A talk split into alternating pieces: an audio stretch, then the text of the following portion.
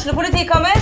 Ine Jansen er purk. Er du purk? The motherfucking bitch. Alt jeg vil, er å finne ut hva som skjedde med mannen min. Jon Carew. Er jeg sikta for noe? Iben Akeli. Det er du. Ole So, Lars Berrum og Big Daddy Karsten. Hvem sin side er du på, egentlig? Anette Hoff, Tone Danielsen, Kommer du fra Afrika?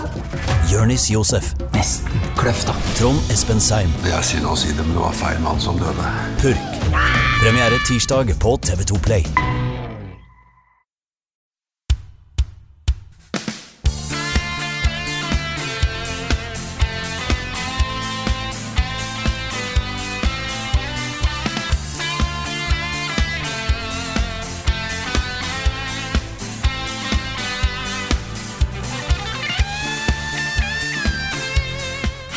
Alle sammen og velkommen til en ny episode av podkasten Level Backup med meg, Frida Danmo, og med meg har jeg som vanlig Karl Martin Hogsnes og Rune Fjell Olsen. Hallo, folkens. Hallo, Frida. Hallo, folkens. Yes. Ja, det er ny, ny veke, ny podkast. Hvordan, hvordan går det med oss? Går bra? Det går bra. Vet du hva, jeg har fått en sånn nyhet som jeg ikke kan snakke om ennå. Eh, personlig nyhet Ja. som eh, preger meg veldig akkurat nå. Og det bobler inni meg, og jeg får ikke lov til å snakke om det nå. Men bare husk at jeg har sagt det. Om, Ja. et, uh, ikke sant? om Ja. noen uker så har jeg sagt hva dette er. Ja, for du, du, sier, du sier personlig nyhet, men det er jo også en level up-nyhet. Jo da, men uh, mest, mest en personlig nyhet, for å Ja, være helt er, ærlig. det, er det. det er ikke sånn at du skal få et tredje barn, liksom. Nei. Uh, så bare Det er ikke at du har fått deg hund ennå. Det er ikke der det går. Ikke ennå. Nei. nei. Uh, ikke ennå. Men bare husk dette øyeblikket her. Bare, når jeg avslører hva dette er for noe, tenk tilbake på den podkasten her og bare forestill dere hva slags følelse jeg satt med mens vi spilte inn den podkasten her. Det er helt Ja. ferskt. Åh, det blir, du setter opp et flashback, det er veldig bra. Ja. Ja, ikke sant? Og så var jeg og så The Matrix på kino i går. Det var kult, altså. ja Nå var det ikke liksom verdens beste kopi av filmen. Den var, hadde liksom blemishes og var ikke sånn, litt grumsete her og der og sånne ting. Men det å se det i en kinosal igjen for første gang på Det er jo 20 år, er det ikke det? 99? Ja. Ja. Ja. Med innledning da Martin Sivertsen, som jeg jobba masse med mens han var spillansvarlig i IT-avisen. Så vi var jo, hang jo sammen på turer rundt omkring. da. Og Nå jobber han i et VR-selskap i Trondheim. Uh, han har studert filosofi, og han har et veldig nært forhold til The Matrix og symbolikk og sånne ting. Uh, Snakka mye om liksom lucid dreams og hvordan hjernen konstruerer virkelighet og sånne ting. Og det ble en utrolig interessant kveld. da. Så jeg har det også. Det også ligger og surrer og går inni meg. Favorittfilmen min på kino. Med et kult inn, kul innledning. Nice. Apropos Lucid Dreams, så hadde jeg et øyeblikk når jeg skulle legge meg i går. Der hvor jeg begynte å tenke sånn her Jeg har så mye ledninger, åssen skal jeg få kvitta meg med de? Jeg kan bruke den radiostyrte krokodillebilen min. Og da, da innså jeg at ok, nå er jeg i ferd med å sovne. Det, er viktige, det er veldig viktige spørsmålet mitt her, er, Carl. Ja, Har du en radiostyrt krokodillebil? Nei, ok. jeg har ikke det. Jeg har ikke det. Det, er, eh, det, er, det er sånt jeg begynner å tenke rett før jeg sovner. Og noen ganger så er jeg akkurat våken nok til å registrere det sjøl. Hva har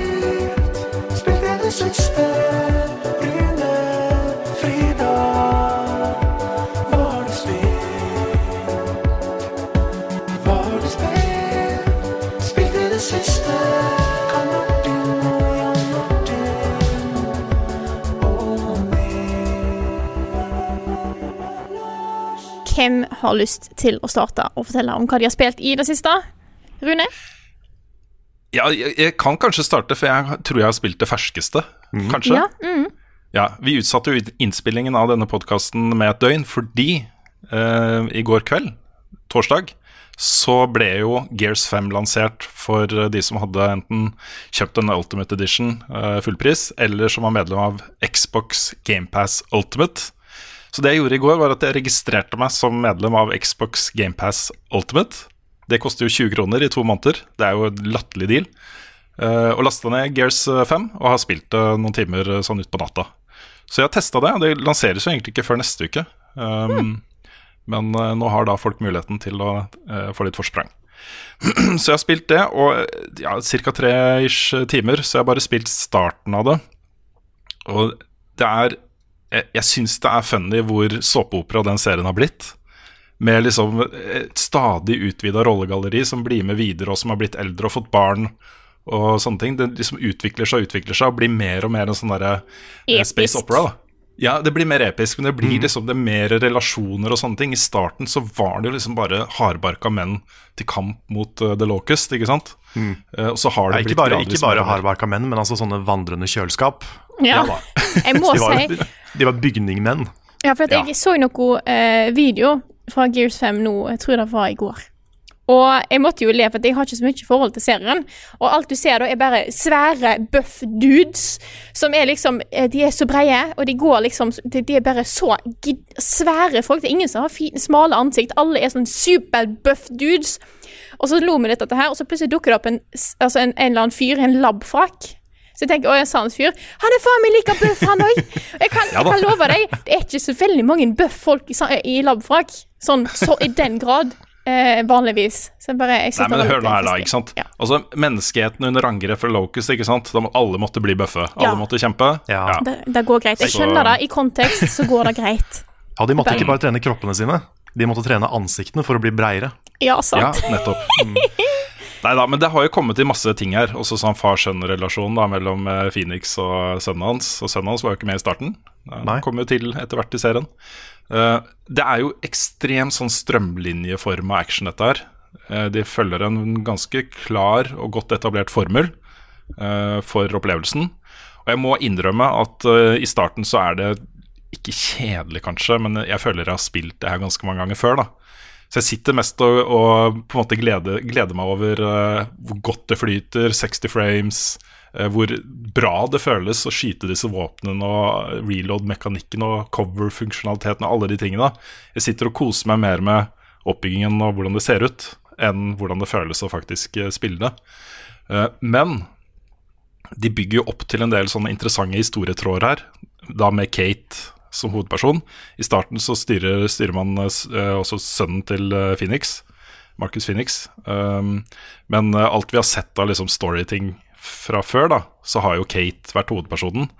Eh, og det var jo ting som skjedde da i Gears 4, med henne og moren hennes og sånne ting, som Det kan bli veldig interessant å følge denne historien videre. Så jeg venter litt på en sånn her at ting skal skifte litt gear, da. Gear, skifte gear. Ja, eh, og ta litt nye retninger. Og jeg tror det kan gjøre det. Um, men jeg har samtidig en liten sånn frykt da om at det er litt for safe, at de har fokusert veldig mye på det der space opera-aspektet. Um, og utvikle rollefigurer og re relasjoner og dialog og sånne ting. Uh, enn å liksom tilby andre ting, da. Men uh, vi får se. Jeg skal spille det mye mer uh, og komme med en anmeldelse etter hvert. Så førsteinntrykket er uh, det ser latterlig lekkert ut. eh, flyter utrolig godt utrolig behagelig gunplay og combat, uh, men litt, litt kjedelig. Litt kjedelig. Og det blir jo liksom Jeg har klippet bort det, da. Fordi uh, Hvis du ser YouTube-versjonen av podkasten, så er det jo Gears 5 som går i bakgrunnen. Uh, men jeg har klippet bort hele starten, for det innledes med en sånn tradisjonell, veldig tradisjonell opplæringsdel. Uh, hvor du hele tiden får Altså Det er en fin måte da å introdusere nye spillere til konseptet på. Du lærer deg alt du trenger, egentlig for å kunne eh, spille dette her. Men det burde være mulig å skippe den, da. Det burde være mulig å skippe den. Det var ikke noe nytt der for meg. den var ganske lang. Den var 20 minutter, liksom. 20 minutter lang opplæringsdel som uh, føltes litt sånn Ja. Uh, men uh, ja. Det har jeg spilt. Og så har jeg også spilt Blair Witch. Ja, er, jeg, må, jeg må si litt det samme, egentlig, fordi det er, eh, det er Det er bra, men det er ikke, det er ikke dritbra. Og det er eh, skummelt, men det er ikke dritskummelt. Og det er litt Jeg vet ikke. Det, det føles ikke som noe sånn veldig unikt horrorspill for meg. Selv om det er elementer her som, eh, som jeg liker, så er det litt sånn Litt mye, kanskje. Litt mye. Eh, ja. De eh, Jeg vet ikke helt hvordan jeg skal beskrive det, men eh, jeg syns ikke det er spesielt skummelt. Eh, selv om jeg blir skremt noen ganger, så s følelsen av å være aleine i den skogen der, den er ikke så trykkende som jeg trodde den skulle være. Da. Er det stemningen som ikke er helt på plass, liksom? Ja, det er litt det. Og så er det litt uh, måten historien presenteres på via liksom sånn tydeligvis øh, noe posttraumatisk stressyndrom og eh, et eller annet i fortiden til hovedpersonen som eh, ligger der og murrer hele tiden, som har en link til det som skjer i skogen. Eh, plutselig så er det sånn flashback til eh, noen, en sånn krigssituasjon i Midtøsten. eh, med folk som dør og eksploderer og, og sånt. Altså det er det er, et, det er et eller annet med liksom oppbyggingen her som eh, ikke treffer meg helt. da Eh, Og da blir det mer et puzzlespill. Og sånn, hvordan, hvordan kommer jeg meg videre til neste kapittel? er mer sånn hva skal man si, viktig for fremdriften da, for meg enn den derre Å, shit, dette her må jo bare unnslippe, for det er så jævlig. så ja. Men eh, vi får se. Det er uh, OK pluss for foreløpig, da. Det vil jeg si. Ja. Og så har jeg også bare lyst til å nevne et par ting om Control, som jeg har latt være å nevne med vilje siden lansering. Um, men jeg vil, for etternølere, som folk som fortsatt tenker at vet du hva, det, ikke, det ser litt for weird ut for meg, og sånne ting, så vil jeg bare nevne noen ting som jeg håper kan være avgjørende for at de tar skrittet og spiller et av årets aller, aller beste spill. Uh, og det ene er uh, noe som kalles da Ashtray Maze. Hvis ikke du har opplevd det på egen hånd, ikke research det på forhånd. Bare spill spillet, du kommer til det automatisk. Alle kommer dit automatisk uansett. Ashtray Maze er noe som folk kommer til å snakke om i årevis, og huske som et av liksom de største spilløyeblikkene ever. Det er så fett. Det er så kult. Eh, jeg vil også si at slutten er amazing. Virkelig amazing. Og så har spillet også et endgame med optional, uh, optional bosser og ting du kan liksom gjøre, da. Eh, helt, helt til slutt. Så ja, jeg håper folk nå blir frista til å faktisk teste det, fordi det spillet der, altså. Det spillet der. Det er et stort problem, da. Uh, og det er at det kommer så jæklig mange bra spill i høst. At det Ja, er jo men det liksom kommer ikke så mange bedre Det kommer ikke så mange spill som er bedre enn dette, Frida. Tror jeg. Nei, men, men du har jo også liksom Nick ga jo Fire Emblem en ti av ti, og det var så vidt begynt på. Og så er det Men, jo men jeg, jeg på lista, Pokémon altså. og Death Stranding og Ja, Luigi's Mansion og Ja da. Så er spill sånn- dette før alt dette kommer. Gjør det nå. Ja. Ja, ikke akkurat nå. Nå er jeg Men litt er, problemet er at det er en sånn fyr da Eh, Det er en sånn fyr i en podcast Jeg tror han heter Rune Fjell Olsen Han har drivet og anbefalt sånn 20 tv-serier i tillegg Så eh, døgnet er bare 24 timer Ja. Men Nei, jeg men det- er, jeg er nysgjerrig på denne askebegerlabyrinten. altså. det, Det er helt klart eh, det spillet som står øverst på lista mi med en gang jeg har litt ekstra tid. Så, Ja. så vet du da. Etter Fire Emblem så skal jeg definitivt eh, sjekke opp Control Nice. Vil du fortsette, Karl, eller skal jeg ta det? Nei, jeg kan godt fortsette Kjør på. Jeg kan aller først bare si noe om eh, Telling Lies. Det kommer en anmeldelse av det nå på, på lørdag. Um, jeg var litt lunken i forrige episode. Jeg er litt, litt varmere nå. Jeg har eh, Etter rulleteksten så har jeg gått tilbake og sett litt mer video. Eh, søkt litt dypere ned i arkivet. Og, og finne en del ting da, som gjør at jeg syns historien eh, tar seg litt opp. Jeg syns den er Den ble en del bedre når jeg fikk litt mer av helheten i det. Så, um, så jeg er mer positiv nå enn jeg var. Men jeg har også begynt å spille banjo. Nice. For det kom, det kom jo en liten DLC-pakke til Smash i natt. Ja. Det var jo en Nintendo Direct som vi sikkert kommer litt tilbake til etterpå. Men, Men Banjo og Kazooie ble jo bare sluppet rett etterpå til eh, Smash Ultimate. Så jeg har testa de. De var en ganske kul eh, En kul character, eller to kule characters i én. Hvor du har en del sånne mekanikker som er unike for de, da. Sånn som at du har en, eh, du har en sånn der power, power move hvor du blir udødelig og liksom bare skyter deg bortover med sånn gullfjær. Men de har du bare fem av eh, før du Altså per liv, da. Så da må du tenke liksom Når skal jeg bruke de? Og hvis man bruker de, og bommer, så er man veldig uh, åpen for å bli eh, countra. Og en del sånne ting. Det var en, en herlig gjennomgang fra Sakurai etter den directen. Og det Jeg syns han burde jo vært ansiktet til Nintendo Directs. Han er så karismatisk og morsom på film. Det kommer vi sikkert også tilbake til etterpå, men eh, jeg syns han, han er dritflink. Men eh, nei, det var uh, spilt gjennom classic mode med Banjo og Kazooie. Det tok meg litt tid å bli eh, Jeg vil ikke si jeg har blitt god med de. Jeg, jeg, jeg spilte ikke bra, men jeg begynte etter hvert å få litt, eh, få litt grep om eh, hvordan man skulle spille. Spilte samtidig den nye Dragon Quest Hero-figuren, som ikke jeg hadde testa før. Som også har en del kule mechanics. Jeg syns de, de, gjør mye ut av de DLC-karakterene, og det er stilig. Mm. Så hvis ikke du har testa ut de, så um, er det mye, det er mye dybde der, altså. Og så til slutt har jeg så vidt uh, hoppa inn i Final Fantasy 8 Remastered. Som kom nå på onsdag, var det det? Eller tirsdag? Mm, det var denne uka i hvert fall. Tirsdag. Det var tirsdag var det. Og det er jo ikke en remake, men en, uh, men en sånn HD-remaster-ish. Og det er jo kanskje en liten stretch å kalle det det. For det er, det er nye character models uh, som er veldig mye finere enn de gamle. De, de gamle har blitt en sånn meme. For at de er liksom bare en sånn der grøt av piksler. Men, uh, men, de nye er veldig fine. De, de ser uh, mye, mye bedre ut. Men litt problemet med de gamle Final Fantasyene, å slippe de på nytt, er at veldig mye av originalmaterialet er borte. Så, sånn som bakgrunnene. For det er jo Altså Alle bakgrunnene er sånne statiske bilder som man kan utforske. Og de originalfilene tror jeg ikke de har lenger. Så de er litt blurry fortsatt.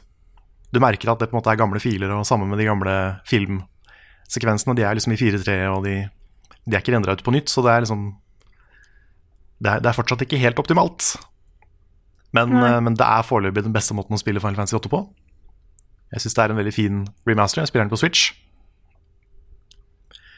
Men, um, men vær bevisst på at det er et ganske gammelt spill. Det er et veldig bra spill.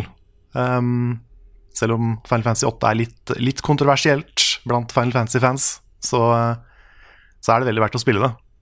Men jeg merker sånn som på kontrollsystemet og på menydesignet, er liksom, dette, er, dette er ikke nytt. Så det, jeg fikk en liten sånn oppvekker om at shit, dette er faktisk ganske gammelt. For det er lenge siden jeg har spilt noe. Um, men um, men det er verdt å, verdt å, sjekke ut. Et veldig bra spill når fort man kommer inn i det. Og mestrer det draw-systemet, som det heter, som er litt, litt grindy noen ganger. Hvor du må liksom Du må, du må stjele sånn 100 av hver magic fra fiender. Og så bruke de for å bøffe dine egne stats og sånne ting. Og det er, det, det er mye drawing hvis du skal gjøre det. Så det, det, kan bli litt kjedelig. Men, uh, men spillet er veldig bra. Bare kan, kan, ta litt tid å bli vant til hvis du har spilt mange andre Final Fantasies og ikke det. Men, uh, men, det er kult. Det er meg. Da tar jeg over. Jeg har, Siden sist så har jeg begynt på og spilt eh, en del av en solid bolk av Astral Chain. Som er det nye spillet til Platinum Games, som jeg er stor fan av. Dette er jo de som står bak Bajonetta-serien og eh, eh, var med på blant annet Near Automata. Så er det én ting Platinum Games kan, så er det et godt combat-system. I den, akkurat den type combat som jeg vil ha. Eh, det er fast-paced, det er ikke noe Det er liksom eh, Det er reaksjonsbasert, du må dodge på ting, du får bonus hvis du dodger på rett tidspunkt, sånne ting. Og så har de kasta på den største mengden anime jeg tror jeg kanskje har sett i et spill noen gang. Fordi eh, ikke, ikke, nødvendigvis i den grad som eh, Celebrate Chronicles 2 gjorde eh, i dag, at du har eh, eh, måte, mye sånn derre eh, boobs og butts og sånne ting. Du har jo selvfølgelig eh, så Butt har jo òg blitt en Er jo en ting med Platinum Games. Eh, ja, butt physics. Ja, så det er jo en ting. De ser fine ut, de rumpene der, det er ikke det jeg skal si, men det er Det er veldig sånn dramatisk, seriøs anime-story. Mm. Um, men den har begynt å ta seg opp òg, så jeg var litt skeptisk i starten. Uh, så det jeg kan si, jeg kommer jo til å anmelde til når jeg er ferdig med det. Uh, jeg vet ikke helt når den kommer, men jeg prøver, skal prøve å få den ferdig så snart jeg kan. Uh, spillet har gitt meg et par Jeg har tenkt mye på dette spillet her, og det driver og vokser litt på meg. Fordi at det har fantastisk god combat, veldig bra combat-system. Det, det, er en del mer avansert og innvikla enn det jeg forventa, så du har mer ting å utforske. Og en periode så var det sånn at jeg når, når, du lærer deg de første tingene, så følte jeg at dette her har jeg kontroll på. Dette går bra. Jeg føler meg kjempeflink. Og så kaster de på deg en del flere mechanics. Og da følte jeg at det ble litt uoversiktlig igjen. Litt kaotisk. Men eh, så, jo mer du utforsker det, jo mer du finner ut at du kan bruke ulike abilities, du kan tilegne egne eh, talent og sånne ting, så begynner ting å gi litt mer mening. Så nå er jeg, nå er jeg blitt glad i det igjen. Eh, men det har eh, storyen er litt sånn opp og ned. Det, storyen i seg sjøl er ganske grei, syns jeg. Eh, men noen missions er veldig, veldig trege. Så jeg føler at det dreper pacinga i et spill som har et så intenst combat-system, at du av og til har noen missions som er litt trege. Så da er det greit å være litt klar over. Det er ikke sånn som bajonetter som bare er combat på combat på combat. Det er mye cutscenes, det er mye eh, story, eh, og selv om jeg liker veldig mange av missions, det er mye sånn finne ut av informasjon, prøve å finne ut hvor du skal gå, hvem du skal snakke med, sånne ting. Eh, den er kul, men det er noen av missions som er litt, litt vel trege. Men det har tatt seg opp nå, så jeg er spent på å se hvor de tar det. Men så langt er jeg veldig, eh, veldig positiv. Liker det veldig godt.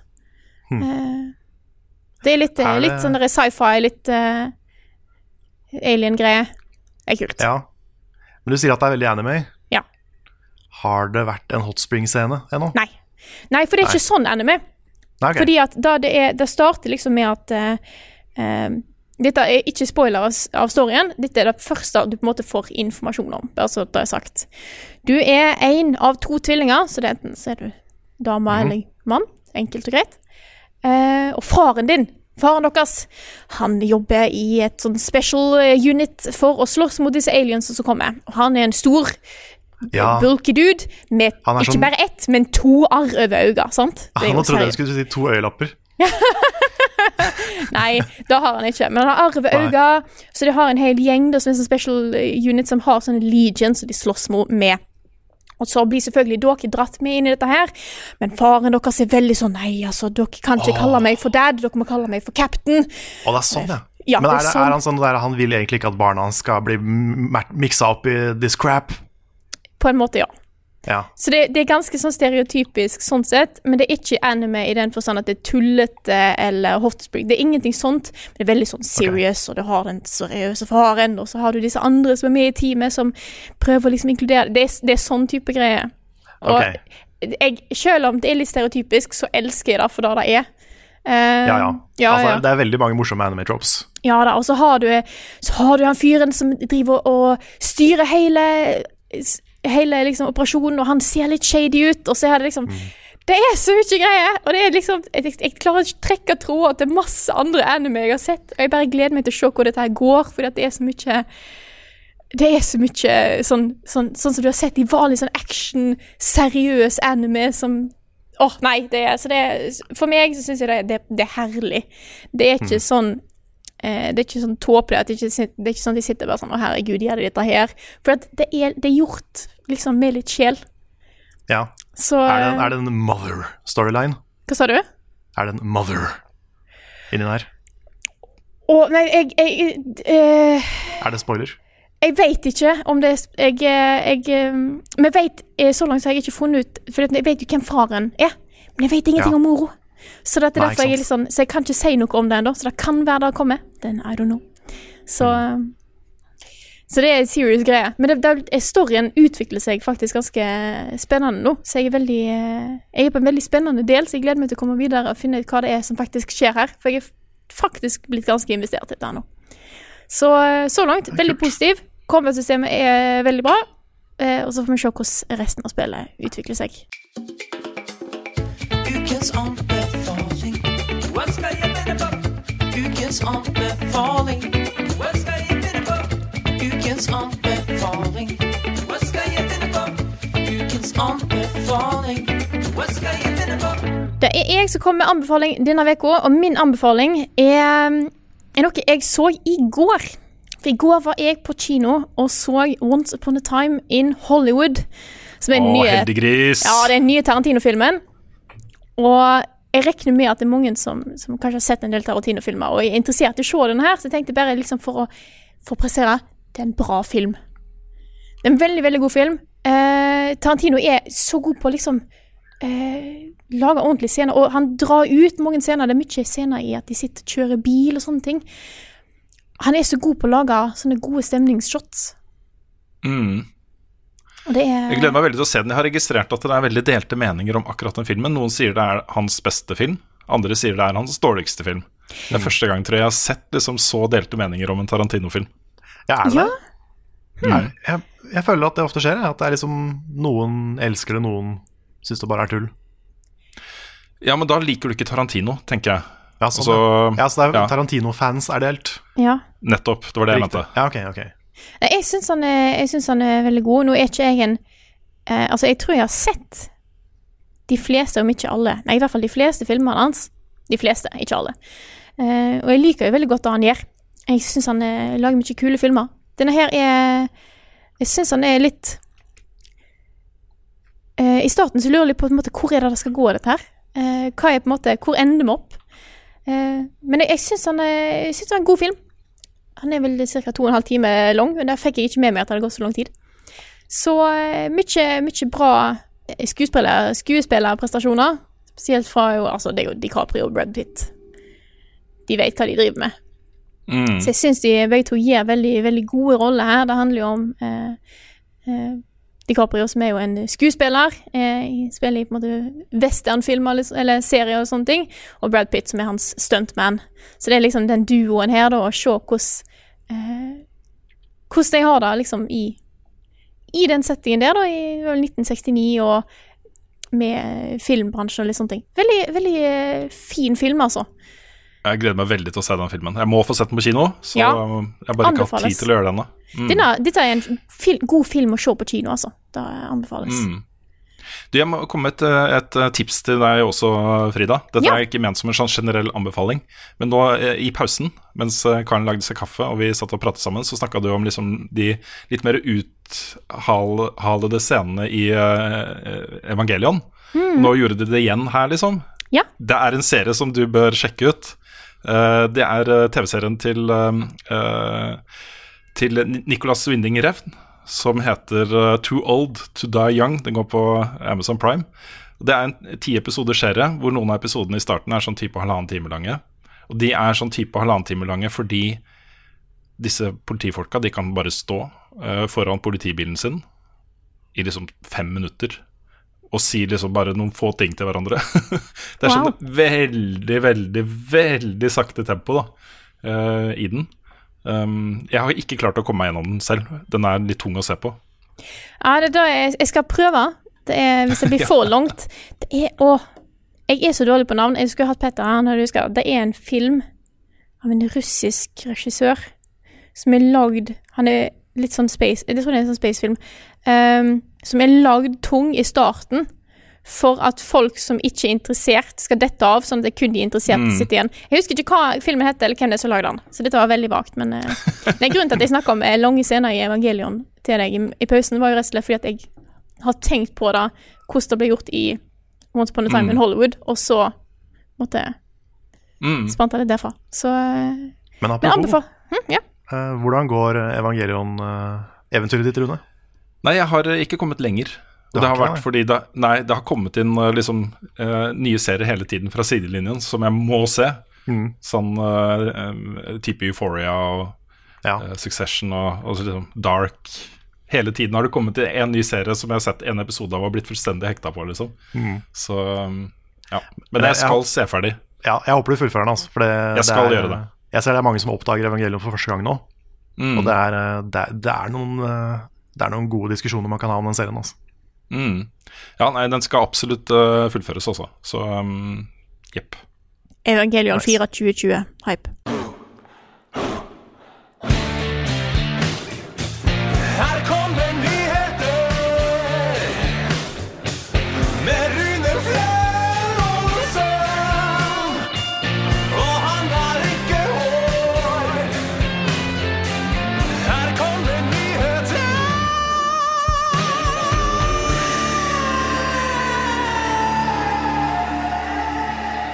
Vi må starte hjemme i Norge denne uka her med uh, Der kom den, ja. Jeg advarte på Yes. forhånd at jeg hadde en ny Ja, det, ja, det er veldig bra. Um, veldig eksplosiv intro på en veldig eksplosiv sak også, fordi uh, Kulturdepartementet med Trine Skei Grande i spissen har nå lansert uh, en ny rapport som heter Spillerom. Den eh, lager outline for det de kaller da dataspillstrategi eh, fra i år, eh, fra 2020 til 2022. Eh, legger et løp, rett og slett, eh, som tar utgangspunkt i hva kan norske myndigheter, hva kan staten gjøre for norsk spillindustri og spillkultur. Um, jeg anbefaler folk som er litt interessert i spill, å lese denne rapporten, fordi det er så deilig å se noen politikere altså Dette er jo skrevet selvfølgelig av folk med peiling på spill. Um, ikke det at ikke uh, Trine Skei Grande har peiling på spill, hun spiller jo selv og sånne ting. Men det er veldig tydelig at her har de snakka med masse gamere og fått fram utrolig god uh, sånn hva skal man si, korrekt måte å se på spill på. Det kommer litt fra innsiden. Dette er ikke noe som uh, Her blir ikke spillmediet betrakta fra utsiden av noen som ikke har peiling. Dette er fra innsiden med helt relevante, gode betraktninger av hva spillkultur er i Norge i dag. da. Og spillindustri. Det er jo begge deler, på en måte. Så jeg anbefaler folk, anbefaler folk å lese den rapporten. Det er uh, mye matnyttig informasjon der. Og ikke minst så er det også uh, et slags løfte da, om en veldig konkret spillpolitikk i årene fremover. Så får vi se da om, uh, om det er samme gjengen som sitter og bestemmer om to år. Men det er i hvert fall, vi har to år til nå med denne regjeringen, og det skal gjennomføres en hel haug med tiltak. Det som var målet Jeg må gå litt gjennom noen av punktene her. Ikke alle, men noen. Uh, og Det er litt interessant å se på hva målet for dataspillpolitikken er. Hva de setter som liksom utgangspunkt for å lage denne rapporten.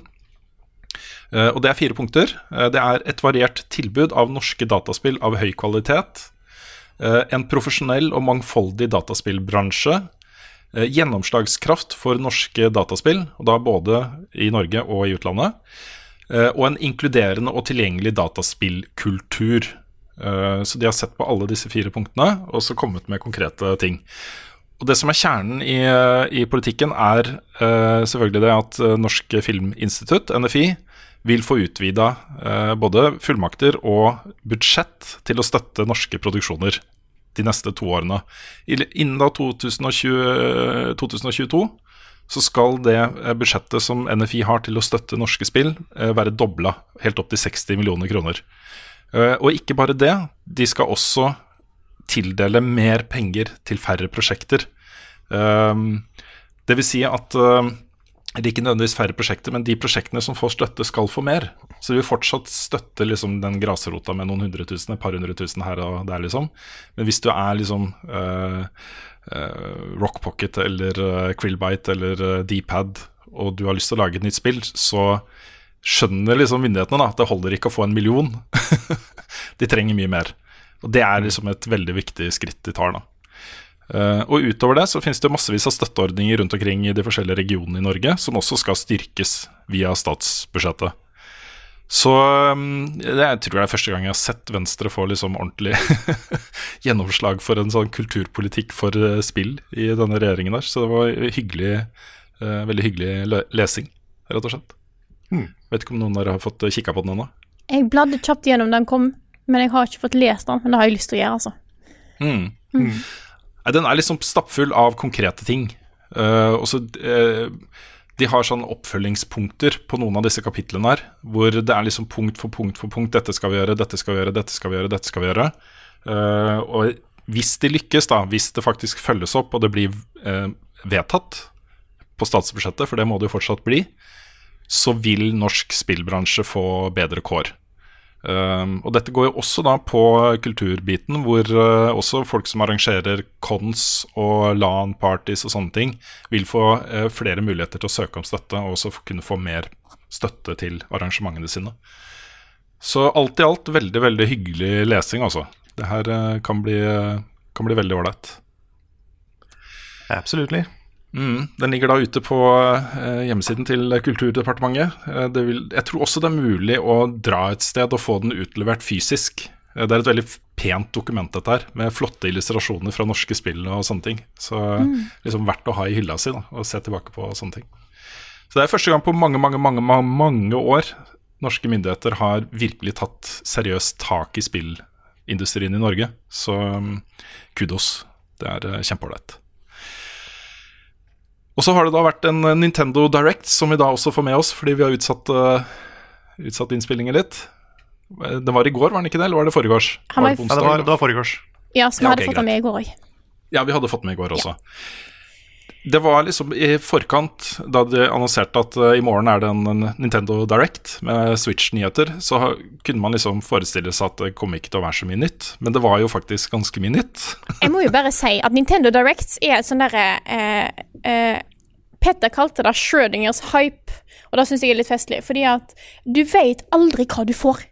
Nei, det er Plutselig er en. Direct som er kun fullt av liksom Ja, da, for de sa at det skulle komme ting om Pokémon Sword and Shield, så kanskje mer av det du har fått sett før. Uh, og så hadde de kanskje vist et eller annet Yokai Watch. I don't know. Ting som ikke nødvendigvis folk bryr seg så mye om. Noen Directs er sånne. Mm. Og så er andre Direct, sånn som den her.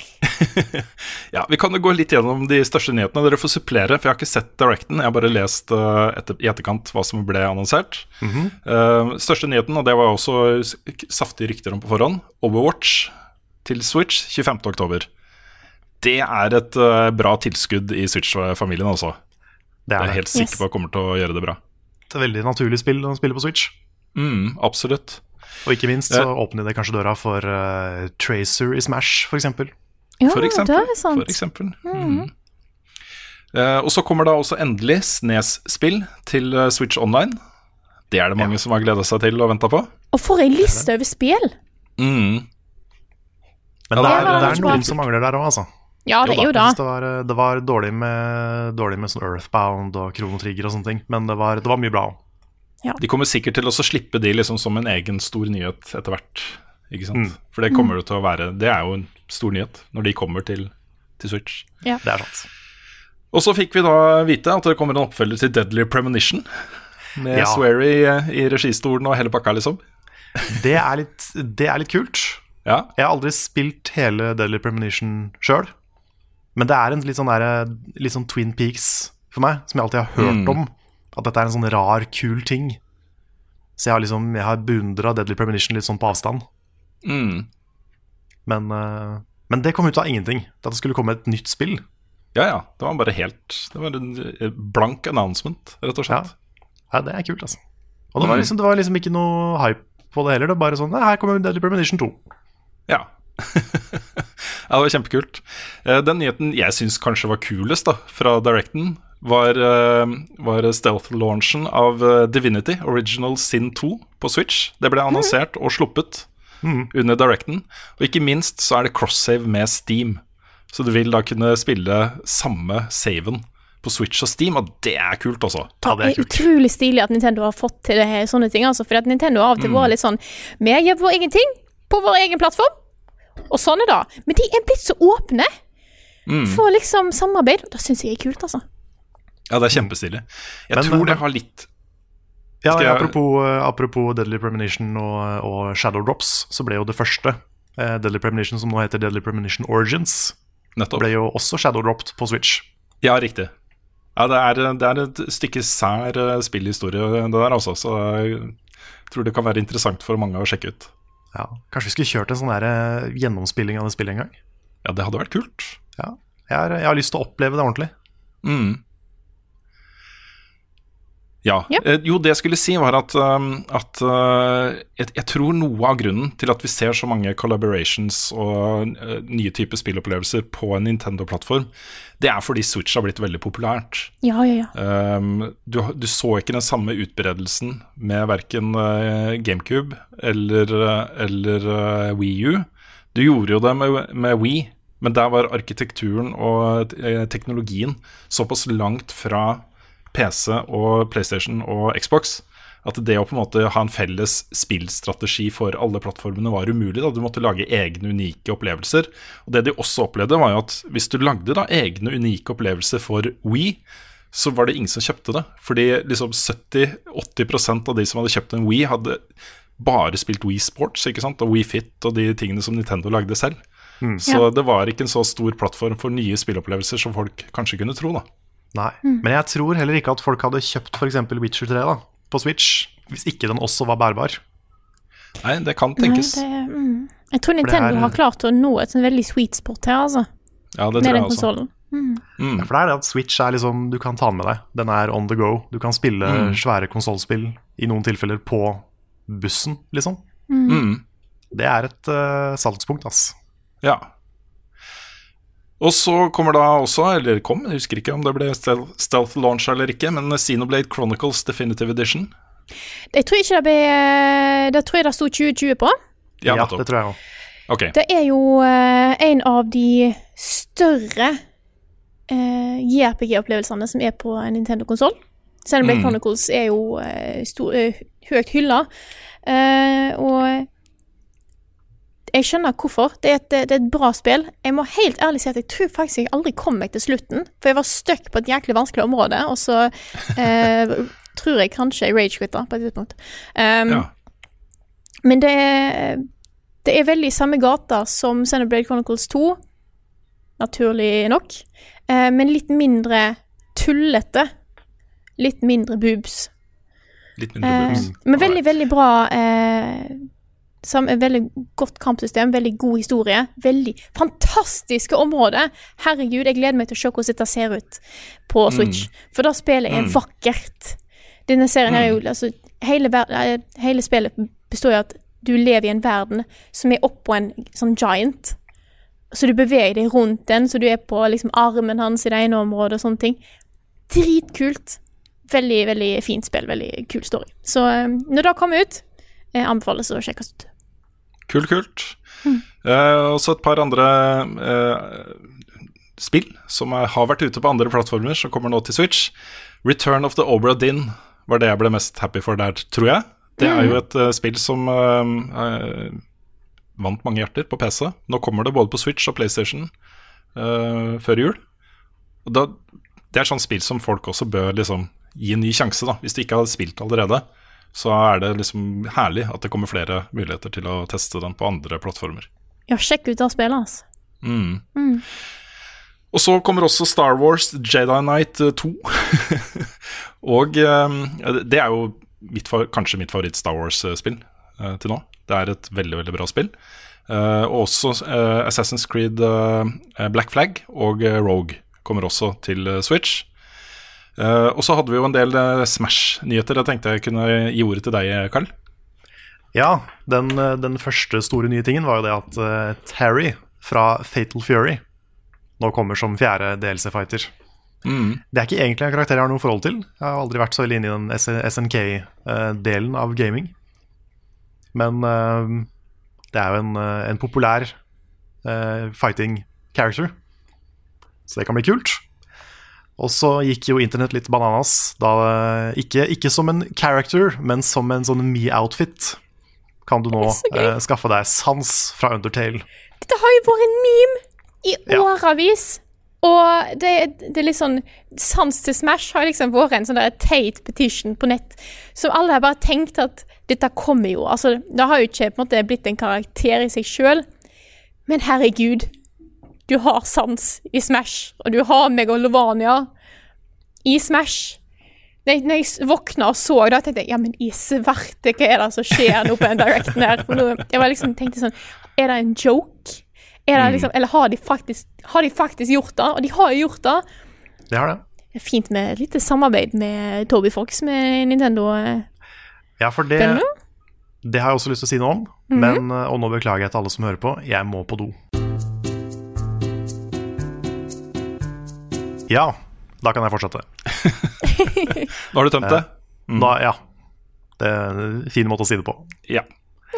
Men eh, det var jo da en sånn liten eh, Smash Direct etter den Nintendo Directen. Og det er jo da Sakurai foran kamera, eh, lead designer, som sitter og forteller om Banjo Kazooie, som da ble sluppet den kvelden.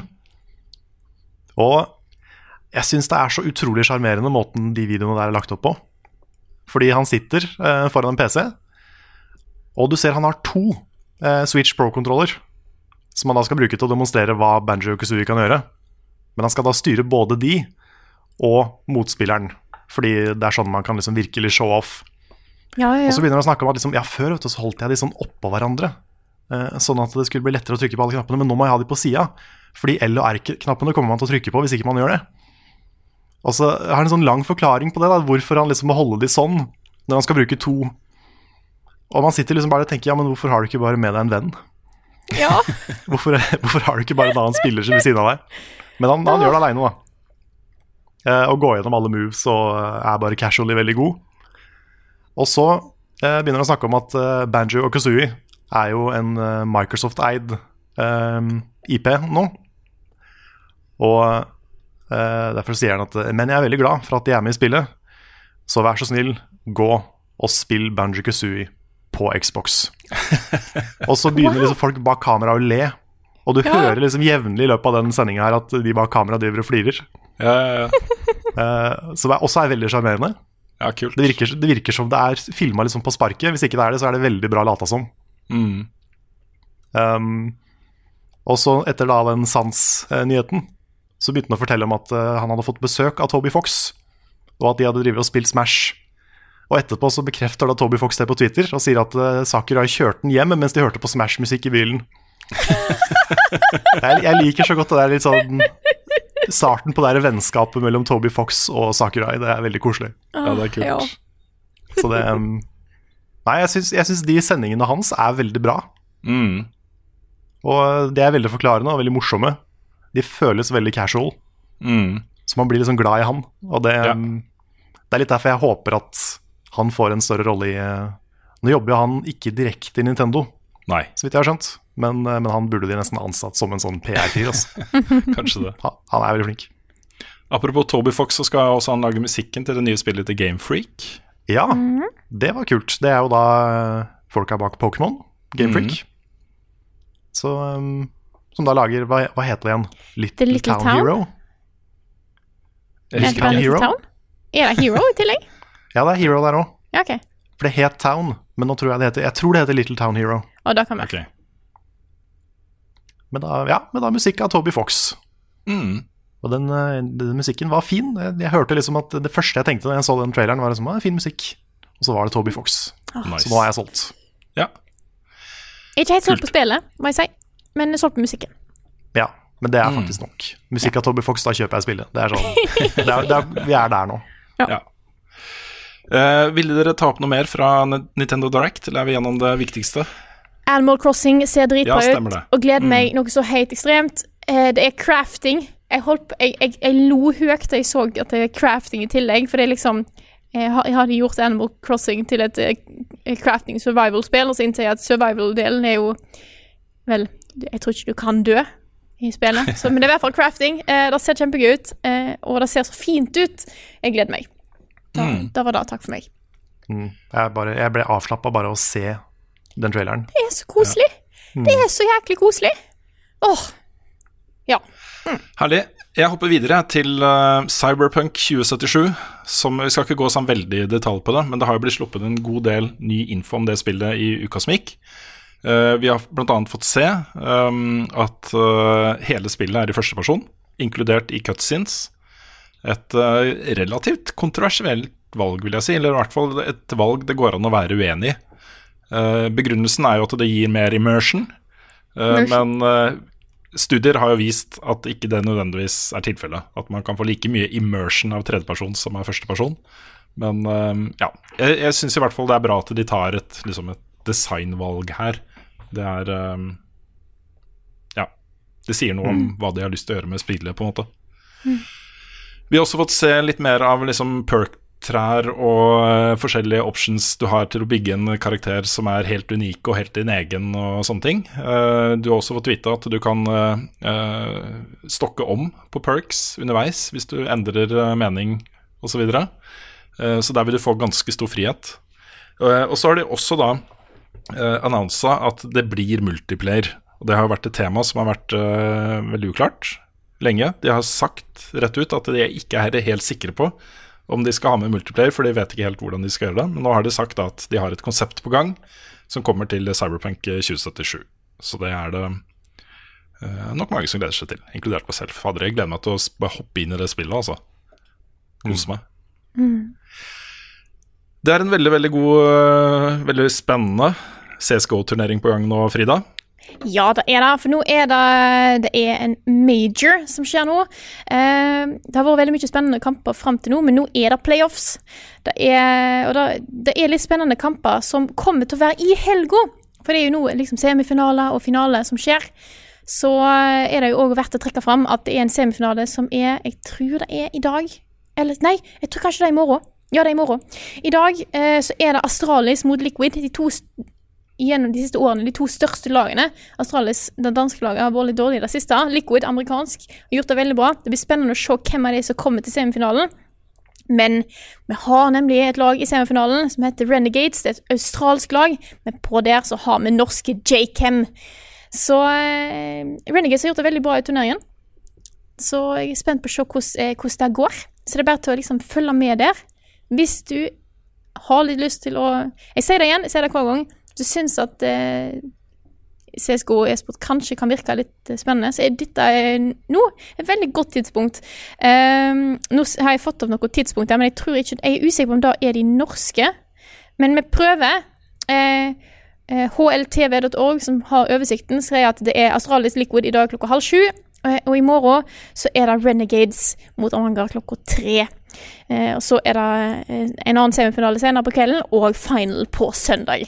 Så det er bare til å eh, følge med der. Jeg tror det blir skikkelig skikkelig spennende kamper. Det var veldig mye Det var ekstremt mye overtime denne serien her. Så det er mye, mye eh, jevne kamper, så følg med. Når du snakker om CSGO, Frida, så, så føles det som å, å se på NRK, liksom sportsnyhetene. Du blir veldig sånn sportskommentator med en gang. Jeg har lyst til å Ja, se ja. deg mer i sånne roller også, det har vært kult. Ja, ja, ja. Jeg har jo egentlig veldig lite peiling på hva jeg egentlig Altså, jeg er ikke så Jeg skulle ønske jeg kunne mer, eh, men jeg, jeg prøver så godt jeg kan. Det er det man har eh, ekspertkommentatorer til i studio, vet du, Frida. Det er sant. det er sant Mm. Ja, Jeg kan være den der engasjerte programlederen, og så Ikke jeg leie inn folk. Ja, ja, ja, det har vi da. Kan ikke du liksom du bare hoppe litt rundt og så intervjue spillerne før kamp? Og liksom, hva føler du nå? Hva, Jeg tror det, det funka veldig bra. Ja. Greit. Vi diskuterte i forkant av sendingen når vi skulle rive av dette plasteret her. Um, uh, vi bestemte oss for å gjøre det nå, til slutten i nyhetsspalten. Uh, og det gjelder da selvfølgelig uh, Alec Kaloka, um, som jo komponerte musikken til Night in the Woods og programmerte Night in the Woods. og har gjort masse andre greier. En, en stor størrelse i indiespillverdenen som eh, for et par uker siden fikk eh, ikke bare én, men flere eh, beskyldninger om seksuell trakassering, misbruk og generelt ganske jævlig oppførsel fra flere kvinner. Um, nå er det liksom en tradisjon, da, en, et praksis i norsk presse om å ikke omtale selvmord, men jeg tenker at her må det være greit å eh, si det. Eh, han tok livet sitt. Um, og det som har skjedd i etterkant, er liksom Vi skal ikke diskutere det eh, så mye, fordi det er veldig betent, og det er sterke meninger om det. eh, mange forskjellige typer meninger om det. Og jeg vet ikke hvor konstruktivt det er å sitte og liksom diskutere det i en e evighet. Eh, men det er temaer her som, eh, som, eh, som jeg syns det er viktig å reflektere over. Um, det er noen ting jeg har lyst til å si om saken, eh, så jeg skal bare ta det litt sånn punktvis. Det ene er at eh, ja, det er lov å se tilbake på Halokas liv og virke og respektere det arbeidet han har gjort i spill. Du har massevis av eksempler. Det er et tema som folk er uenige om. Kan man, liksom, kan man skille kunsten fra mannen eller kvinnen? eh, eller ikke. Og der må, må det på en måte være opp til hver enkelt, tenker jeg. Å eh, bestemme seg for hvor, hvor det landet ligger. Jeg har det samme forhold til Frank Miller og uh, Morrissey og mange andre uh, kunstnere som, uh, som jeg liker arbeidene fra, liksom. Um, det er fortsatt lov å like Night in the Woods, ikke sant? Og det, setter pris på musikken han lagde til det. Det er også en ganske sterk Jeg vet ikke hvor mange individer det er snakk om, men det er i hvert fall veldig høylytt. Uh, med påstander om at han tok livet sitt pga. ubegrunna uh, og falske beskyldninger. Det tror jeg det er god grunn til å bare legge dødt. Uh, dette er ikke bare én person som har beskyldt ham for noe. Det kom en lang, lang post fra Scott, i, Night in Woods-sjefen, om hele hans historikk, historikk da, eh, med uh, Alec Haloka. Hvor det kommer fram ganske mange ting som på en måte bekrefter uh, hva slags person dette har vært da, mot sine omgivelser, sine medmennesker og sine venner og sine kjærester og uh, kollegaer og alt mulig rart.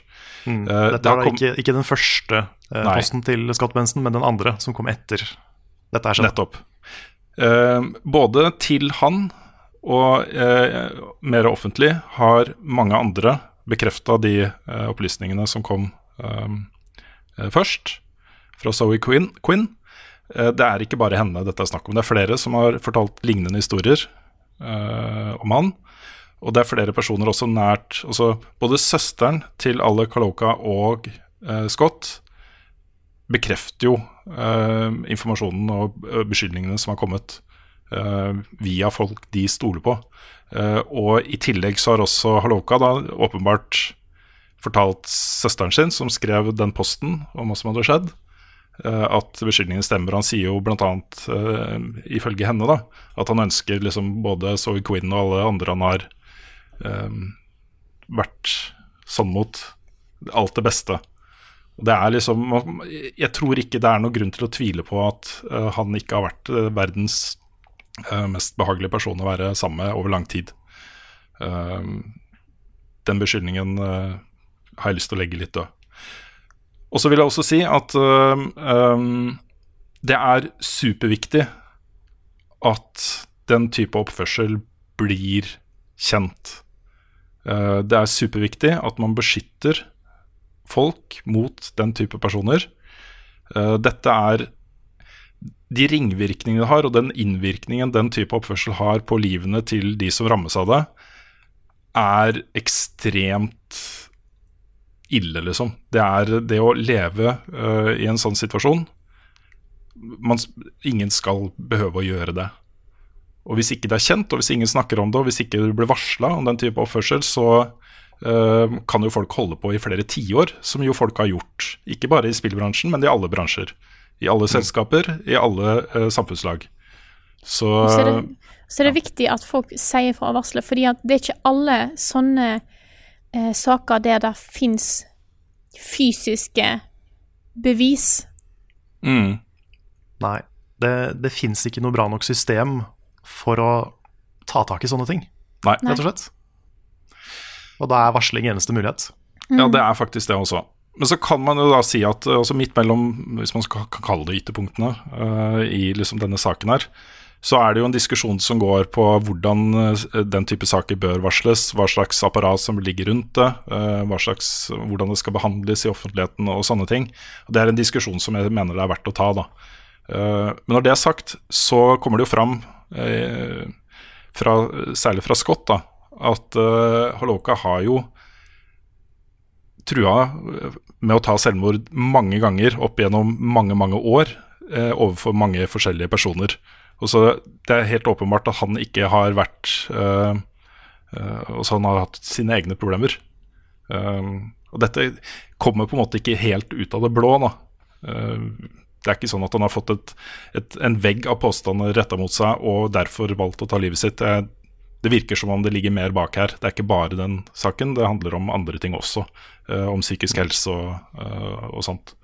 Og Sånn sett så er det jo også lov å tenke tanken at dette er en person som også burde fått hjelp i den livssituasjonen han var i, og i det si- sinnet han hadde og måtte leve med. Det er jo åpenbart at, øh, at øh, alt ikke har vært bra der. Så um, ja, han er jo på en måte Jeg vil ikke si han er en offer på samme linje som øh, de han øh, skadet, da. øh, opp gjennom åra. Men han er også et offer. Så um, det er lov å ha flere tanker om dette her, og det er lov å også ikke nødvendigvis bare komme med sin mening, men å prosessere det uh, osv. Uansett så tenker jeg det er greit å, å ta det litt inn over seg, tenke litt på det. Og Det er jo det er først og fremst en, bare en sånn stygg, fæl sak på Mm. alle måter. Um, selvmord er tragisk. Det er ingen som fortjener en sånn skjebne, liksom. Men så jeg bare eh, påpeker bare- at hvis du sliter og har selvmordstanker, ta kontakt med noen som kan hjelpe. Eh, det kan sikkert virke eh, fåfengt der og da, at det på en måte eh, det ikke kan hjelpe å snakke med noen, men eh, gjør det. Mm. Det er, Det er absolutt ingen skam å snakke med noen. Um, til og med mennesker som tenker at de har uh, sunn uh, psykisk helse, hadde helt sikkert hatt godt av å snakke med noen. Det er noe alle mennesker hadde hatt godt av, tror jeg. Mm. Um, men jeg må bare si igjen, jeg føler for å si det hver gang, fordi jeg ser uh, denne taken gå rundt. Vær så snill å ikke gå til angrep på ofrene til den mannen her. Mm. Det er ingen gode argumenter for å gjøre det. Alle argumentene suger. Bare la være. Det, det fører bare dritt med seg. Mm. Vær så snill, ikke gjør det. Ja, når jeg ser liksom at uh, påstander om at alle ofrene, de angivelige ofrene, har løyet, det er liksom Ja, det, det er så jeg, jeg forstår liksom ikke helt at det går an å si det, hvis man har satt seg skikkelig inn i denne saken her. For hvis da er innstillingen vi har som samfunn til folk som prøver å komme fram og si fra om at ting ikke er som det burde være, så er det jo ingen som tør å gjøre det. Og da kommer du til å ha disse eh, måtte, for, De store folkene innenfor alle industrier som kan gjøre det de vil, uten at Mhm. noen stopper dem. Nei, det blir jo Ja, det beskytta. Ja. Ja, det er jo en verden der Harvey Weinstein bare får fortsette å Mm. Uh, misbruke unge Hollywood-personligheter, liksom. Ja. Mm. Vi, vi vil ikke ha det. Nei. Skal vi sette strek der? Det blir liksom Ja. Uansett hva vi gjør nå uh, etterpå, etter vignetten, så blir det rart. Men uh, vi må bare la verden gå videre. Og, eh, ja. Ja, det blir nok sannsynligvis siste gang vi snakker om dette her. Men det blir sannsynligvis ikke siste gang vi snakker om temaet, vil jeg tro. Nei, Nei. det gjør det nok ikke. Men den saken her har vi i hvert fall uh, vært gjennom nå. Ja. Mm. Det er uh, ikke noe hyggelig å snakke om, men uh, det er samtidig litt, litt viktig å være innom det. Ukens, ja, ukens spørsmål. Kommer Ruen sin standup på DVD, eller? Jeg selger et guttenavn. Hva er det du kaller Hvilket språk snakker Frida egentlig? Hvorfor er Mario rørlegger? Og vi begynner denne spalten med eh, ikke spørsmål, men en oppfordring som vi har fått fra flere. Og det er en oppfordring fra oss òg, i tillegg til dere som hører på. Det er valg. Gå og stem, folkens. Gjør det. Gå og stem. Det er, eh, jeg vet at det er eh, lett å få litt sånn der avmakt. Og At man tenker at kanskje ens egen stemme ikke betyr noe, og sånne ting. Men det er så viktig uh, i et demokrati å bruke stemmeretten sin. Ha innvirkning. Dette er eh, politikere som styrer da på vegne av oss. Og hvis uh, du ikke stemmer, så er de på en måte ikke på vegne av deg. så, um, så det er superviktig i et demokrati å faktisk bruke den stemmeretten. Det er Uansett det. hva du stemmer. Og det er, det er mange som øh, Nei, sorry. Nei, fortsett du. Ja, nei, det er, eh, det er jo mange som tenker at det er utrolig mye å sette seg inn i. Det er veldig mange saker man ikke har meninger om, eh, og det er helt lov. Men det som hjelper deg, er å liksom bare sette seg ned og tenke, tenke over hva som er viktigst for deg. Altså hva er dine hjertesaker? Finne ut hva de forskjellige partiene mener om det, og så stemme ut fra det. Det er også Mm. helt legit. Det er jo Absolutt. kommunevalg og fylkesvalg nå, ikke på en måte stortingsvalg. Eh, så det jeg gjorde, var at jeg gikk inn på de ulike partiene eh, så, sine sider for den kommunen, og de har egne eh, på en måte liste over hva Eller ofte et sånt program om hva de mener om de ulike tingene. Gå gjennom, se om du er enig i det. Da tar det ikke mer enn en, eh, maks en halvtime. Bare gå gjennom hva de ulike partiene syns om ulike ting. Og det, det ligger på partiene sine nettsider ofte. Så sjekk Vil også anbefale valgomaten til, eh, til VG-nett. Den Mm. er kjempebra. Også. Der har de i eh, jeg, jeg tror det er alle kommuner i Norge stilt av de som stiller til valg, eh, et sett med spørsmål. Mm. Fått svaret deres, og så skal du svare på de samme spørsmålene, og så får du opp hvem du er mest enig med. Og det er, Den var god, altså. Og den Ja. tar utgangspunkt i da ofte De har sikkert ikke gått inn i hver eneste kommune og sett på hva er de aller viktigste sakene i akkurat denne kommunen.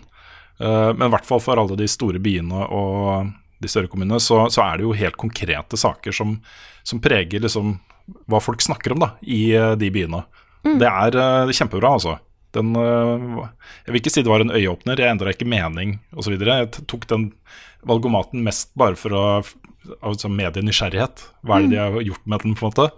Jeg har vært ganske klar på hva jeg stemmer over ganske lang tid, da. Um, men eh, den var kjempebra. Hvis du er usikker, så kan den være det du trenger for å kunne ta et valg. Så um, anbefales. Jeg har allerede forhåndsstemt. Jeg har forhåndsstemt. Min eh, borgerplikt. Det har jeg også gjort. Jeg kan eh, også anbefale å ikke løpe ned ti minutter før stengetid, som jeg gjorde i går. For det var det 100 andre mennesker som også gjorde. Ja, og dette var siste dagen I går var siste dagen du kunne forhåndsstemme, var det det? Nei, i dag òg. nei, i dag òg. Ja, ok, greit. Men det var bare jeg bestemte meg for å gjøre det i, i går, siden jeg har litt planer i dag. Mm. Men, eh, men ja, kan være lurt å være litt tidlig ute. Men heldigvis så var de, de var veldig kompis og holdt oppe til alle fikk stemt. Ja, det er bra. Så det er veldig bra. Så jeg fikk, eh, jeg fikk stemt en halvtime etter de egentlig stengte. Mm. Wow. Ellers så er det noe eget da med å gå liksom på selve valgdagene.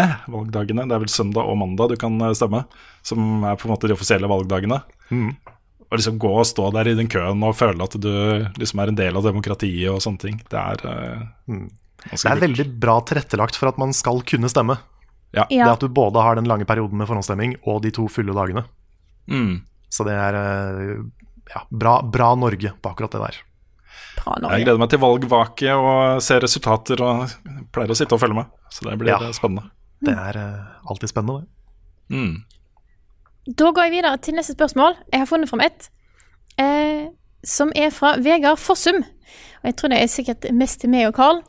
Han skriver Hvor finner dere spelmusikk å høre på? For spelmusikk er en sånn ting som ikke alltid er så lett tilgjengelig. Nei, det har jo kommet noen soundtracks på Spotify. Jeg har aldri vært så veldig flink til å bruke Spotify, men jeg har fått med meg at eh, veldig mye av musikken til Nobu Umatsu ligger på Spotify nå. Det er jo Final Fantasy-komponisten. Det er veldig mye som er på Spotify og Google Play som jeg bruker. Eh, så hvis du har soundtrack til spill som du er interessert i, sjekk det ut. Det er veldig mye indie-spill som, ligger- som har soundtrack på, eh, på Google Play og Spotify. Eller så kjøper jeg mye soundtrack. Mange spill på Steam kan du kjøpe soundtracket til. Mange spill, spesielt indie-spill, har soundtrack liggende på Bandcamp. Eh, så jeg har kjøpt Det som ikke ligger tilgjengelig, har jeg kjøpt. Eh, så jeg har liksom bygd opp et lite sånn eget bibliotek ved hjelp av det, da. Mm. Yeah. Min kilde så- nummer én er Min kilde nummer én er å søke på uh, spilltittel OST i YouTube. Ja. Ja, YouTube òg det- er mye der. Ja, det var det neste tingen jeg skulle si. At eh, YouTube, hvis ikke du finner det noe annet sted, så laster jo folk opp uh, 100 soundtracks om dagen på YouTube. Så du finner som regel mm. musikken du ser etter der.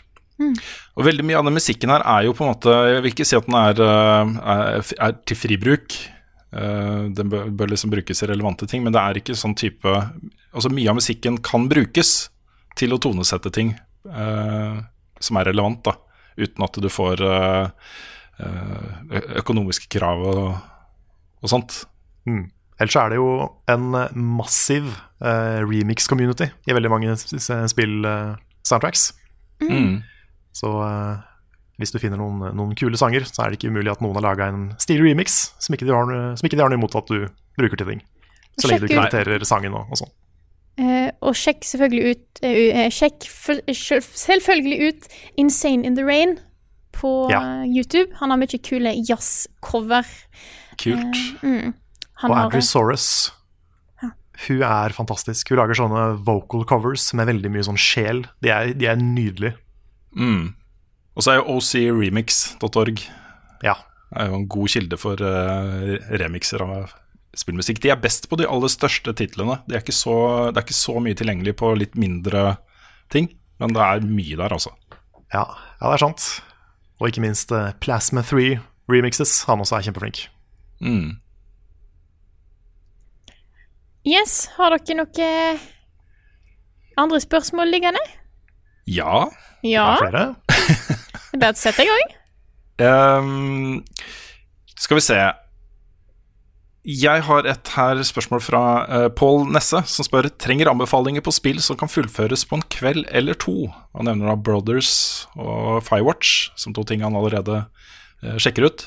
Jeg har satt opp en liten liste her, så kan dere supplere uh, der. Eh, men det fins jo massevis. Portal, to-tre timer. What Remains of Edith Finch, kjempebra. Litt lengre, 3,5-4 kanskje. Uh, Limbo og eh, Inside. Inside er gratis gratis på Epic Games Store. Ikke nå lenger. Nei, fader. Nei. Ja. Too late. Sorry. Akkurat switcha, jeg tror jeg switcha i går eller noe sånt. Ja, ja. Eh, Dark, som jo er helt nytt. Um, The Stanley Parable. Den kommer jo også i en ny versjon i løpet av høsten. Deluxe eh, et eller annet eh, edition. Det er sant. Eh, den kan jo du spille mange kvelder da, hvis du vil. Men én gjennomspilling er ikke så lang. Men du trenger flere enn én gjennomspilling på det spillet. ass. Mm. Så vil jeg også nevne Draugen og uh, um, eh, Among the Sleep. Som to uh, kortere norske spill. Det er mulig å gjennomføre på en kveld eller to. Uh, Superhot. Stilig indiespill. Uh, Little Nightmares. Selvfølgelig Undertale. Oh yes. det, er, det, er sånn, det er litt langt, Ja. men hvis du går for en pacifist ending, så er det Du kan komme deg gjennom det på en fem-seks timer, altså. Mm. Og så har du eh, sånne spill som Everybody's Gone to the Rapture eh, og Gone Home. Hvis du først eh, får sansen for litt den mer stille narrative opplevelsen, så, så er det mye Det er mange gode alternativer der, i tillegg til Firewatch og What Remains of Edith Finch. Så er det, det er massevis av ting du kan ta tak i der. Så det var en sånn liten liste jeg bare smalt sammen, fritt fra hukommelsen. Jeg vet ikke Ja. om noen eh, Jeg går gjennom, eh, jeg går gjennom uh, spill jeg har på Steam som jeg har spilt i mindre enn fem timer. Uh, Tesla-grad. Yes. Det er fantastisk bra uh, puzzle-plattformspill. Gris. Ja, selvfølgelig. Det burde jeg hatt med. Doki Doki. Mhm. Mhm. Det er en bra en. Eh, Men den er, hvis du tåler freaky Ja. as fuck-spill Ja. Eh, da er det jeg kommer på sånn nå. Ja, det er massevis av gode anbefalinger her. da Her er det Mm. mye bra spill, altså. er det. Kan jo også eh, ta en Jeg husker ikke om du nevnte Braid, men det er jo en uh, gammel indie-slager. Oh, yeah. uh, så har vi både uh, Her Story og Telling Lies, Mm. som du kan spille på en tre-fire timer. Mindre også, hvis du ikke vil gjøre alt. Mm. Så anmeldte jeg nettopp of Medaillon. Murder. Of Medaillon. Det er et uh, fire timers spill. Mm. Uh, kanskje mindre hvis du spiller multiplayer og, og sånn. Og så er det i tillegg en sånn sofamodus, hvor du kan liksom designere én character til én spiller. Hvis du samler din egen sofaen. Det også kan være dritgøy.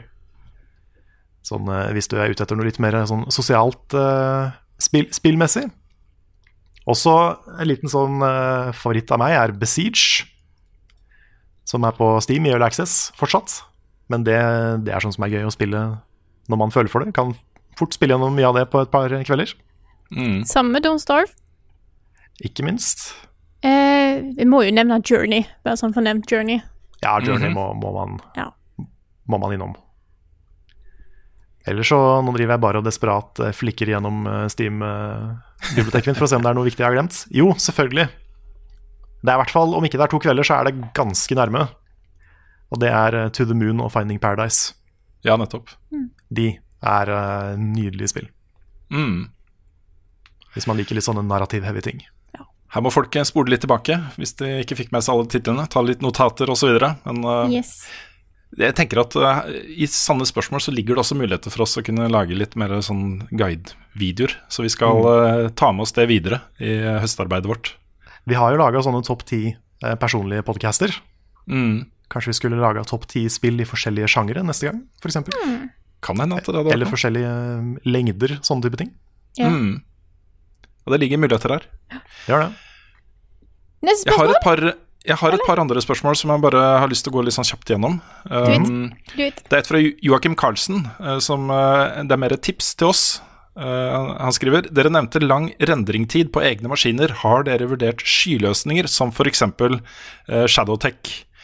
Uh, og det har, det har jeg ikke, men jeg gjorde det nå. jeg gikk inn på den linken og sjekka ut.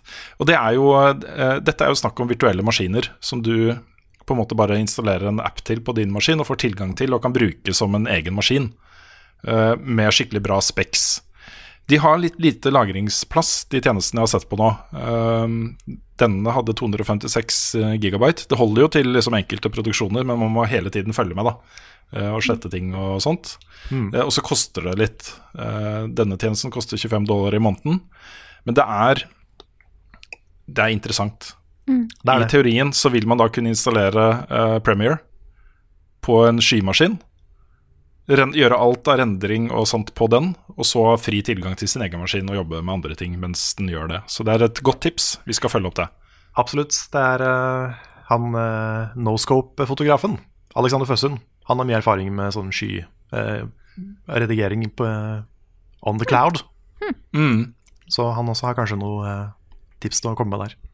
Adobe har også sin egen. Den er litt, uh, jeg tror den er litt dyr. Men vi, vi skal sjekke det ut. Det er øh, et veldig bra tips. Det er det. Og så et annet også et innspill til fremtidige redaksjonelle vurderinger fra Ørjan Syversen uh, Kjeverud. Har dere noen gang vurdert å uh, anmelde serier og filmer, da muligens litt mer nerdete, lignende Stranger Things, Fantastic, Fantastic Beasts og den fremtidige Witcher-serien? Og det Vi har snakka en del om det. Vi snakker en del om TV-serier og sånt her i podkasten også, fordi det er relevant. Eh, Folk som er glad i spill, er gjerne opptatt av kanskje spesielt liksom en viss type TV-serier og, og filmer, men også generelt film- og tv-serier interessert. Eh, og det, vi har uh, mye glede av det personlig, og jeg tror vi kunne gjort mye bra innhold på det som er mer spissa mot f.eks. TV-serier. Så skal ikke se bort ifra at vi gjør alvor av, av det etter hvert. Ja, jeg har uh, i flere år nå egentlig gått og vurdert f.eks. et klassikerinnslag om, eh, om en film eller om Evangelion eller et eller annet. Mm. Det, det er fristende å gjøre det. Jeg har, jeg har ikke helt uh, turt å gå utenfor spill på de spaltene der, men uh, kanskje en dag. Jeg Så har vi en skummelt. Ja, jeg synes det er skummelt, for det er ting jeg ikke har så mye kunnskap om. Jeg føler ikke at jeg er nødvendigvis egna, flink nok til sånn filmteknisk å anmelde film og serier. Jeg tror det er mest psykologisk. Ja, Mm. det tror jeg, for jeg har ikke gjort det ennå, sant. Og så har vi en i redaksjonen som har studert film, Ja. og som faktisk anmelder film og TV-serier på sin Mhm. egen kanal. Niklas Halvorsen. Mr. Nick. Mhm. Så jeg vil jo si vi har kompetansen eh, inne hos. Ja. Enn vi har jeg- god kontroll på at jeg kunne anmeldt. Da Ja. kan jeg fått det. Ja. Og så tenker jeg liksom jo mer tid, altså jo lengre man har anmeldt spill, jo bedre blir man også på å anmelde film. Mm. De har, de har, de har en del til felles. Ja da. ja da, i hvert fall nå i nyere tid. Mm. Det er jo kanskje bare de, de mer filmtekniske tinga som, eh, som man burde kunne litt om. Mm. Yes. Yeah, skal jeg ta et et- spørsmål? Ta et uh, siste spørsmål. Ok, dette er fra Silakoid. Han sier hei, spill, eh, parentes og bøker har jo en større variasjon av settinger enn det film og TV har, som oftest må settes på jorda i tilnærmet nåtid pga. bl.a. budsjett. Men hvilken setting foretrekker dere personlig? Fortid, nåtid eller fremtid? Og jorda, verdensrommet eller fantasiverdener? Godt Egentlig ikke tenkt, så spørsmål. mye, ikke tenkt så mye over det, at uh, film og TV har jo Det er sant, at de har en Ja. begrensning på budsjett. Mm. Jeg tror jeg som regel i spill er veldig glad i å havne i en, en, måte en annen setting enn den som kanskje da blir vanlig i, i spill, nei, i film da, sånn, og i dagligdags, liksom vanlig verden. Jeg liker litt mer fancy ting. Det må ikke være på en måte helt fjernt fra jorda. Uh, Jeg liker ting også, òg, men det, det blir mye fantasy og sånt, med RPG og sånt. Mm. Plattformer spiller jeg sjelden i liksom, virkelig verden. Men Jeg, ikke eh, ja. Ja. Jeg, jeg vet ikke om jeg har noe sånn veldig sterk preference. Jeg liker fantasy bedre enn jeg liker sci-fi. Men jeg, altså, alt funker på meg så lenge verden er troverdig, egentlig. At den er bra skrudd sammen. Ja. Sånn, eh, jeg husker Jeg så jo mange av Harry Potter-filmene før jeg leste bøkene. Og det bøkene jo, gjorde veldig bra, det var det å etablere veldig tidlig hva som er mulig, og hva som ikke er mulig i den verden her. Men det gjorde ikke filmene like mye. Så jeg husker at før jeg leste bøkene, så sleit jeg litt med Harry Potter-verden, for jeg visste ikke liksom Hva kan du ikke gjøre med magi? Hva er the stakes hvis magi kan løse alt? Og det, var liksom, det ble ikke så bra etablert i de første filmene. Men det kommer jo mer etter hvert, da.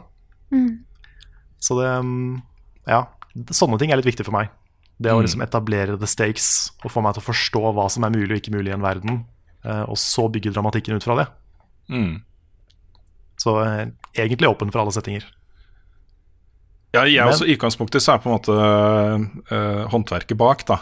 Hvordan historien er skrudd sammen, hva slags rollefigurer det er, hva slags arcs de har, hvordan dialogen er. Mm. Eh, sånne ting. Er det plot twists Mhm. osv.? Det er så Ja. mange sånne ting da, som er universalt, og som kan gjelde Ja. for alle settinger. Mm. Uh, men jeg har personlig en, en ganske klar sånn forkjærlighet for uh, science fiction. Um, og andre planeter og ut i verdensrommet og, og sånne ting. Det er uh, det, det vekker på en måte de sterkeste følelsene i meg. Både i bøker og filmer og eh, spill og alt mulig rart. Jeg tror jeg er litt enig, for det er det med liksom sci-fi og sånn sett uh, fantasy òg, at um, jeg vet ikke alltid hva jeg kan forvente å se og få oppleve. Nå, er det, nå sitter jeg og vifter, for jeg sitter i et rom der lyset bare plutselig skrur seg av. Uh, så det er Ja. sånn motion sensor, men da er jeg sitter her litt i mørket. Uh, nei, jeg tror jeg liker det som på en måte uh, At ting er litt uforventa. Mm. Mm. Jeg liker, um, liker veldig godt når eh, spill, eller filmer for så vidt, prøver seg på litt sånne rare kombinasjoner av ting. Sånn som Final Fantasy har en sånn morsom miks ofte av sci-fi og fantasy. Og Final Fantasy 10 er en veldig sånn østlig fantasy, som er veldig unik for det spillet. At eh, det det er veldig asiatisk, men det er fortsatt litt sånn middelalder-fantasy. Og det er en veldig kul miks. Mm. Så eh, sånne ting blir jeg litt ekstra gira over noen ganger. Når de Mm. prøver noe som jeg ikke har sett før. Det er, det er veldig nice. Mm. Og så har jeg blitt litt bevisst på at jeg, jeg er veldig glad i vintersettinger og veldig lite glad i ørkensettinger. Veldig spesifikt, Karl. Carl. Ja, Ja. Det er fordi jeg har spilt Final Fantasy 14, og det er sånn, Mm. hver gang jeg kommer til en ny ørken, så er det sånn øh. Og hver gang jeg kommer til et nytt vinterlandskap, så er det sånn uh. Så ja, jeg har blitt veldig bevisst på det etter å ha spilt Final Fantasy. Mm. Skal vi ta en runde av der, eller? Det kan vi gjøre. Det tror vi kan gjøre det. Det gjør vi da. Og da vil jeg bare si tusen, tusen takk til alle dere som støtter oss på Patron. Dere gjør det mulig for oss å fortsette med dette her, så tusen, tusen takk. Takk skal du dere ha. Vi må plugge en liten ting også. Ja, plugg. Go. Tilt, Tiltcast 2.0, podkastfestival med alle de kuleste, tøffeste, beste spillpodkastene i Norge samla på ett sted, på Tilt. Eh, 6. oktober. Dørene åpner klokka ett. Eh, søk på Tiltcast 2.0 på Facebook, så får du opp eh, masse informasjon om, om eventet, og vi skal selvfølgelig dit. Det blir eh, En måned herlig. til i dag, faktisk. Det er en måned til. Det er det. Mm. Fy fader. Fy fader. Da får dere akkurat tre plugs til før vi er i mål. Det er perfekt, da. Ah. Og med da så vil jeg bare si tusen takk for oss. Takk for at du har hørt på denne episoden her av Level Backup, og så snakkes vi igjen neste uke.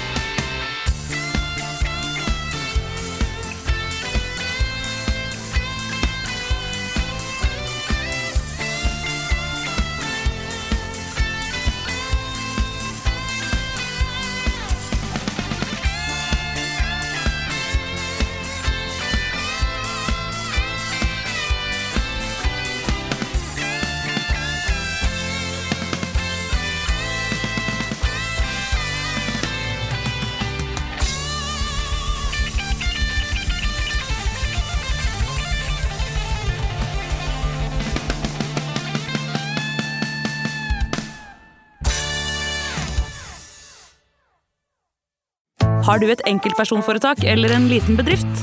Da er du sikkert lei av å høre meg snakke om hvor enkelt det er med kvitteringer og bilag i fiken, så vi eh, gir oss her, vi. Fordi vi liker enkelt. Fiken superenkelt regnskap.